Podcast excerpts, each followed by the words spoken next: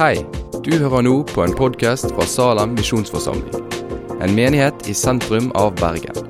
Vil du vite mer om oss eller komme i kontakt med oss, gå inn på salem.no.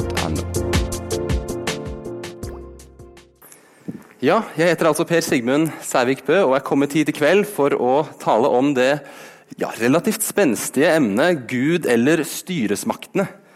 Det er altså da del av denne serien om apostlenes gjerninger som dere holder med på her i Salem Ung. Så kjekt at jeg fikk komme hit. Og Jeg tenkte å begynne med en påstand. Eh, og Denne påstanden den har den kvaliteten ved seg at den er sann. Så nå er det bare å følge med. ok. Vi kristne er kalt til å leve lovlydige liv. Vi skal betale vår skatt, våre bompenger, vår NRK-lisens og gir arbeidsgivere oss en oppgave, så skal vi gjøre den så bra vi kan. Dette er ikke bare min personlige mening, selv om det er det også. Men det er noen som har skrevet det i Bibelen også. I Matteus 22, 21 så sier Jesus Gi keiseren det som keiserens er, og Gud det som Guds er. Altså i sammenhengen i denne teksten gi keiseren skatt for han har krav på det. Og gi samtidig Gud det som han har krav på. Hjertet ditt, troen din, overbevisningen din, ja, hele livet ditt. Og Peter er inne på noe av det samme når han skriver i 1. Peters brev 2, 13 og 14. Der skriver han For Herrens skyld skal dere underordne dere under enhver menneskelig ordning, enten det nå er en konge som den høyeste, eller landshøvdinger som er utsendt fra ham, for at de skal straffe dem som gjør ondt, og hedre dem som gjør godt. Det sa Peter. At en kristen og alle andre i grunnen skal underordne seg landets myndigheter, det er ikke bare en, en fin tanke. Et interessant perspektiv, naturligvis, som vi kan vurdere og diskutere som vi vil. Nei, det står her, svart på hvitt, Jesus og Peter sine ord, ikke andaktsholderes og predikanters ord først og fremst. Å være en lovlydig borger, det hører kristenlivet til. For Herrens skyld, sa Peter, skal vi underordne oss myndighetene. Og Paulus sier også noe av det samme i Romerne 13. Han sier at vi skal underordne oss også for samvittighetens skyld. Gud har selv innsatt myndighetene, enten myndigheten heter keiser, som den gjorde da, eller byråd, til å velsigne dem som gjør godt, og til å straffe dem som gjør ondt. Det skal være grunnregelen for hvordan vi kristne skal oppføre oss i møte med myndigheten. Men Det er et men her. Det er mange men her. For hadde jeg stoppet nå så hadde jeg oversett en god del viktige ting som står i Bibelen.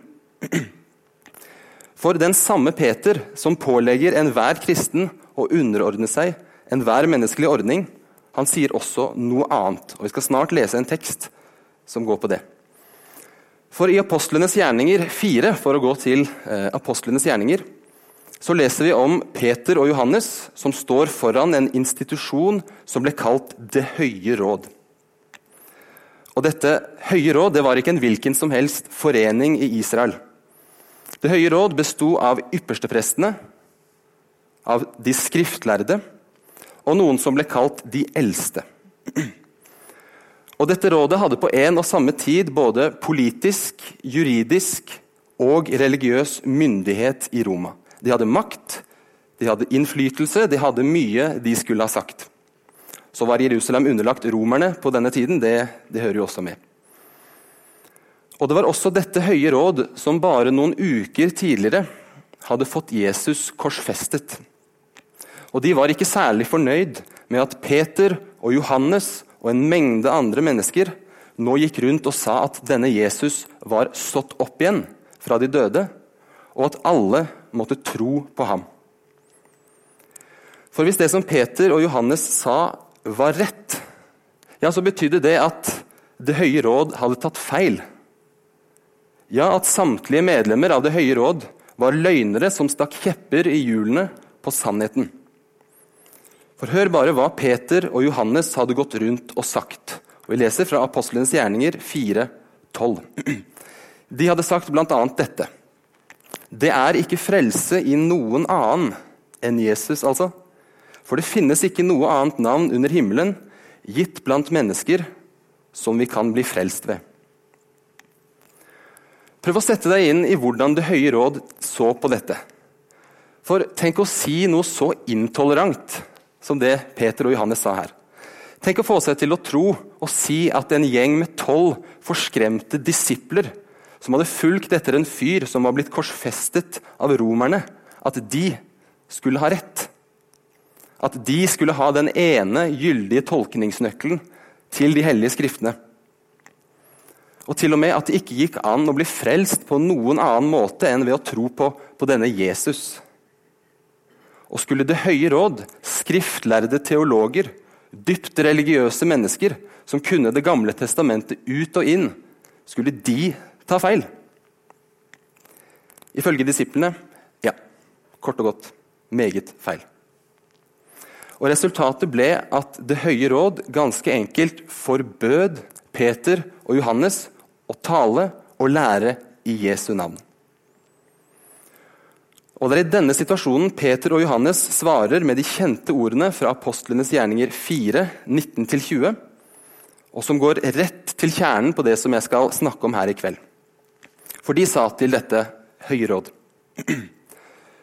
Døm selv om det er rett i Guds øyne å lyde dere, myndigheter, styresmakter, mer enn Gud. For vi kan ikke la være å fortelle om det vi har sett og hørt. Og I Apostlenes gjerninger 5, i en lignende situasjon framfor Det høye råd, så får Peter og Johannes gjentatt dette forbudet. De fikk høre Apostlenes gjerninger 5, 28. Vi ga dere streng befaling om at dere ikke skulle lære i dette navn, altså Jesu navn. Og se, dere har fylt Jerusalem med deres lære. Og svaret de får av Peter og Johannes, det er ganske enkelt dette i neste vers. En skal lyde Gud mer enn mennesker. En skal lyde Gud mer enn mennesker.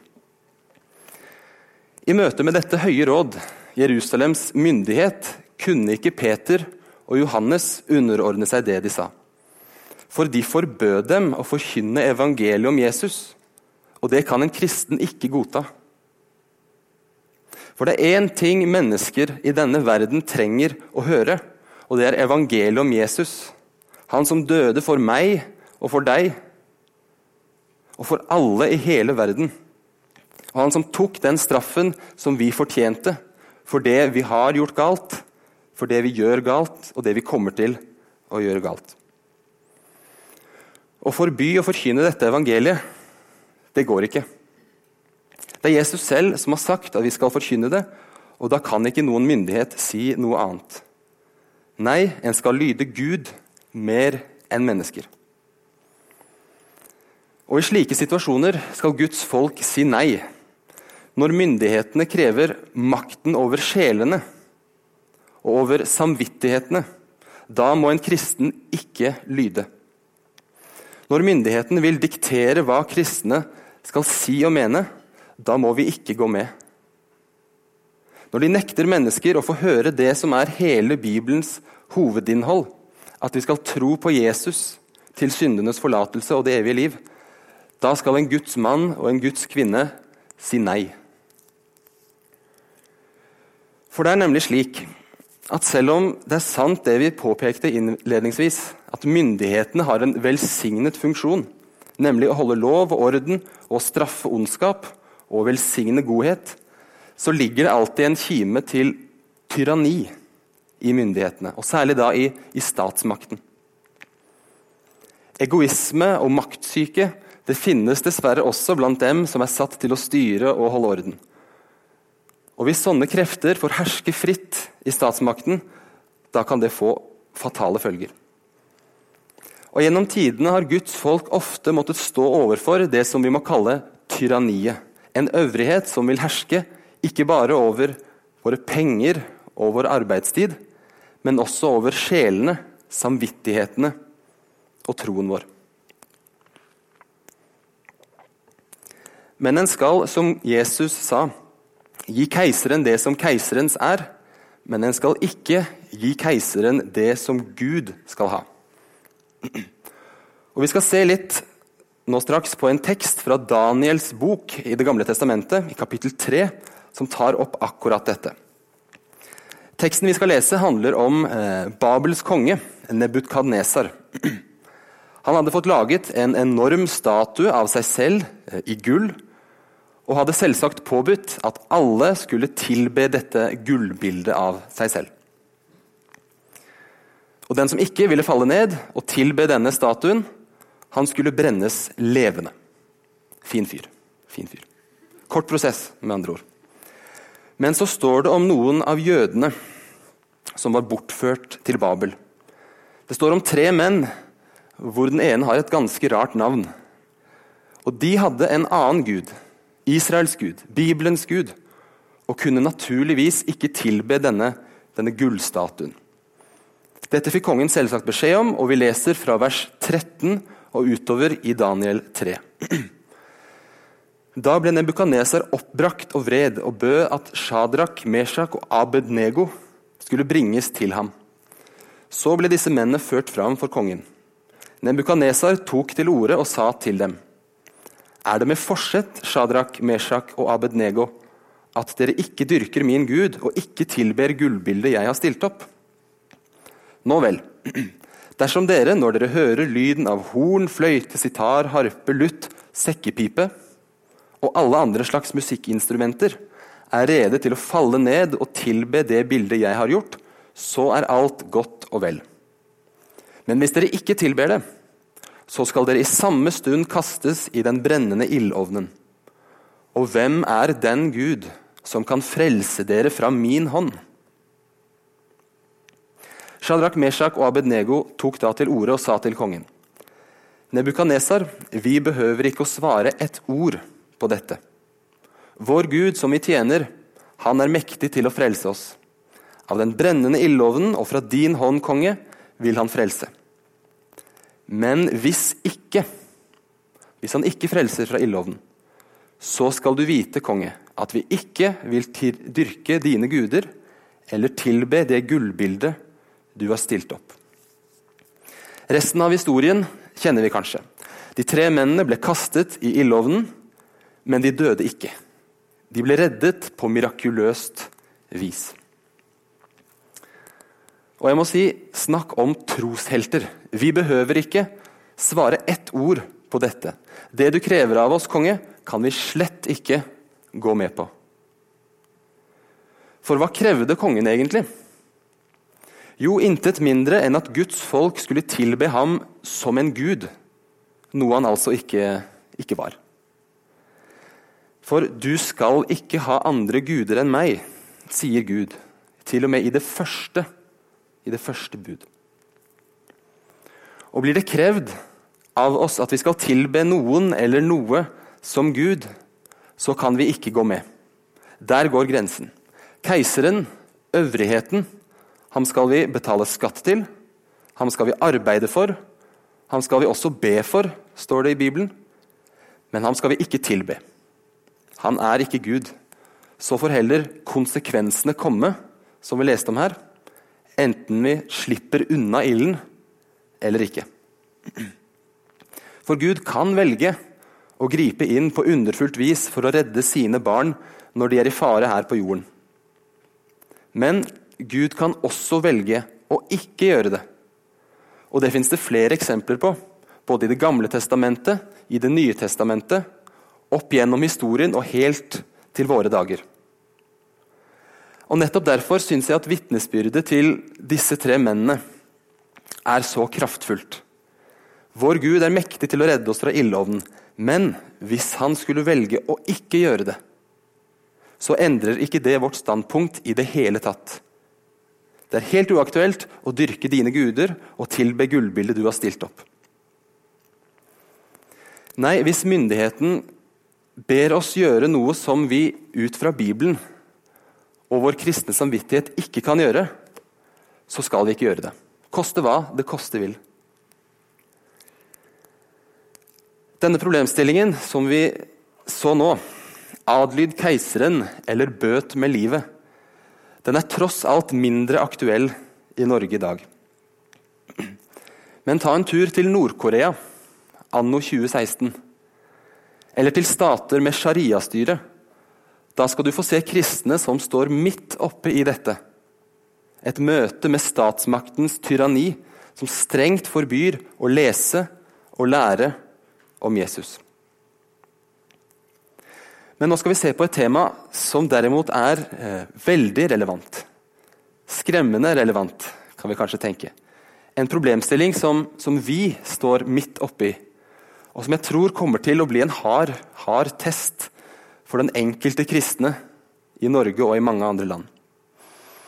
Og Som en innledning til det så tenkte jeg å gå tilbake til eh, begynnelsen av apostlenes gjerninger, til kapittel 2. Og jeg skal lese bare første del av vers 42. Så Apostlenes gjerninger 2, 42. Der står det om de første kristne, altså apostlene og de som var kommet til tro den første pinsedagen. Der står det de holdt urokkelig fast ved apostlenes lære. De holdt urokkelig fast ved apostlenes lære. Og ved bønnene, nattværen, fellesskapet med de kristne. Men først står apostlenes lære og denne holdt de urokkelig fast på. Jeg tror mange tenker som meg at jeg skulle gjerne ha vært i Jerusalem på denne tida rundt apostlenes gjerninger. For tenk å se en sånn vekkelse. 3000 frelst på én dag, og 2000 til innen et par dager. Tenk å se et sånt fellesskap blant kristne. Jeg ser for meg at de nesten var som én stor glad kristen familie. Og tenk for et sånt evangeliserings- og misjonsfokus.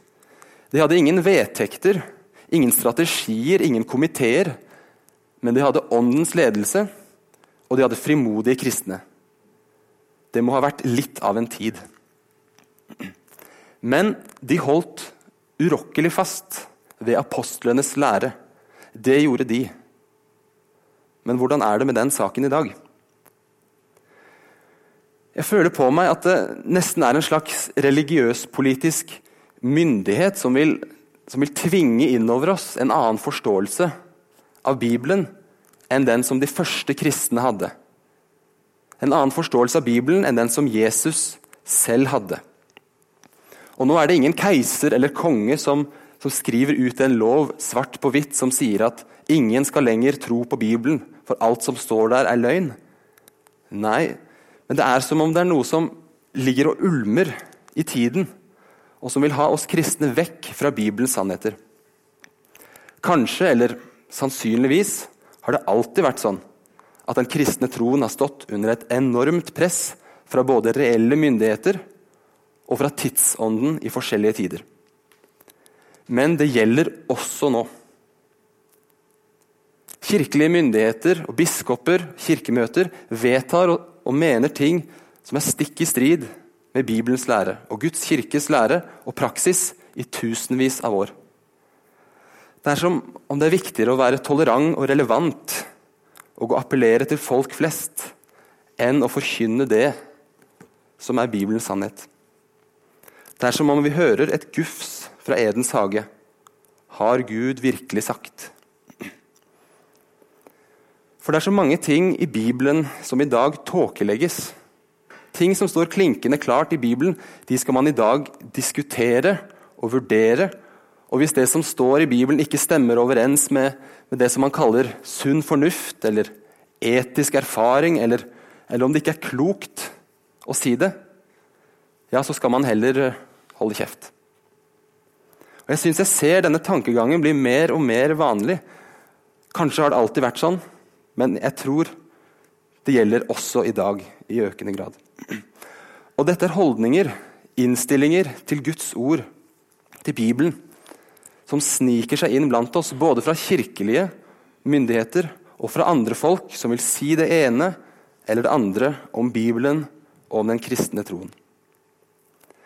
Men også i synet vårt på Bibelen skal vi lyde Gud mer enn mennesker. For hva sier Gud om Bibelen? Jo, i 2. Timotius brev 3,16 står det at hele Skriften er innåndet av Gud og nyttig til lærdom, til overbevisning, til rettledning, til opptuktelse i rettferdighet. Vi må la Bibelen endre vår forståelse av ting, og ikke motsatt. Er vi på vei inn i en tid der kristne ikke lenger vil eller tør forkynne bibelske sannheter? F.eks. at det bare er Jesus som kan frelse. At det bare at det er en himmelvid forskjell, bokstavelig talt, faktisk, mellom den kristne troen på den ene siden og alle andre religioner på den andre. For det står fortsatt i Bibelen, det som Peter og Johannes sa i Apostlenes gjerninger 4. Det er ikke frelse i noen annen. For det finnes ikke noe annet navn under himmelen gitt blant mennesker som vi kan bli frelst ved. Og igjen vil jeg si det er dette med, med tåkeleggingen av Guds ord. Jeg er, ikke, jeg er ikke fysiker. Jeg er språkforsker, som dere hørte. Men jeg vet såpass om eh, fysikk at om det er aldri så mørkt på et sted, så blir det lyst med en gang sola begynner å skinne. Mørket kan ikke hindre lyset i å bryte fram. Og på samme måte alle mennesker, du og jeg, har syndet mot Gud. Og dette mørket, det stengte veien til Gud for oss mennesker. Fra naturens side famler mennesker rundt om i mørket og vet ikke, hvordan, eh, vet ikke hvor det går. Men hva står det om Jesus? Hva står det om Jesus i Bibelen? Jo, i Lukas 1, 78-79 så står det at Gud lot soloppgang fra det høye gjeste oss for å lyse for dem som sitter i mørke og dødsskygge. Det var meg, og det var deg. For å styre våre føtter inn på fredens vei. Jesus er lyset som skinner i mørket. Jesus er den som sonet all verdens synd på Golgata og ved å tro på ham, at hans død gjelder for deg og for meg, så får vi den rettferdigheten som Gud krever av mennesker. Ikke ved eget strev, egne prestasjoner, ikke med de rette meningene eller holdningene, men med den tomme hånda som strekkes fram for å ta imot det som Gud så inderlig ønsker å gi til alle mennesker. Og det er dette budskapet mennesker må høre. Det er dette lyset som må få skinne i hvert eneste menneskes mørke, for å holde oss til bildebruken her. Men det er også akkurat dette budskapet som tåkelegges. For tåken har nemlig den grusomme egenskapen at den kan gjøre veien helt usynlig. Midt på lyse dagen er det tåke på fjellet, så er det ikke sikkert at du finner veien. Og denne tankegangen om at Bibelens ord ikke er så fryktelig viktige, den er veldig skummel. For i siste instans så fører den til at mennesker ikke lenger ser at de trenger den Jesus som Bibelen forteller om. Og det er altså ikke frelse i noe annet navn enn Jesus. Og det er som en sånn litt likegyldig tankegang presser seg på oss fra både politiske og religiøse myndigheter. Og kanskje lar vi kristne oss altfor lett prege av denne tankegangen. Men til denne form for tankelegging av Guds ord så skal en kristen si nei. Vi skal si som de kristne har sagt i tusener av år, 'Jeg holder meg til Bibelen'. Om Bibelens ord kalles søppel eller løgn eller hva det skulle være.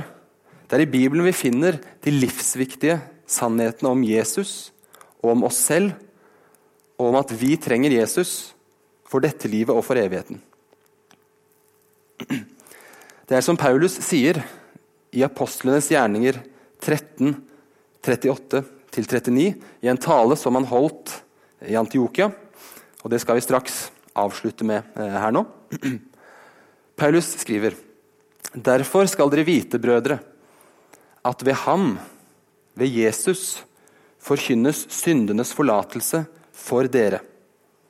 Og fra alt det som dere ikke kunne rettferdiggjøres fra ved Moselov, rettferdiggjøres i ham enhver som tror. Alle som tror på Jesus, får alt de trenger av nåde og tilgivelse fra Gud. Alt det som Gud krever av oss, Moselov, som Paulus skrev her, kravene fra budene i Bibelen, de som ingen menneske har klart å holde. Dette får vi ved å tro på Jesus, ved å tro på den Jesus som Bibelen forteller om. Og det er dette budskapet og ingenting annet som har frelst mennesker gjennom alle tider. Det var dette budskapet apostlene og de første kristne forkynte. Det var det de ga sitt liv for og satset hele evigheten på. Og Det er dette som står i Bibelen, og vi må lese det og ta imot det som Guds eget ord og forkynne det videre. Uansett hva keisere, konger, myndigheter eller rådende tankeganger i tiden skulle si eller mene. For, som Peter og Johannes sa, vi kan ikke la være å fortelle om det vi har sett og hørt.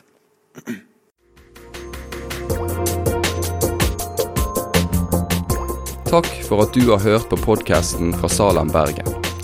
I Salem vil vi vokse i et stadig dypere fellesskap med Gud og med hverandre. Vi vil være Jesu hender og føtter, og vi vil være med og forkynne frelse for Bergen og resten av verden. Besøk oss gjerne på salam.no om du vil vite mer.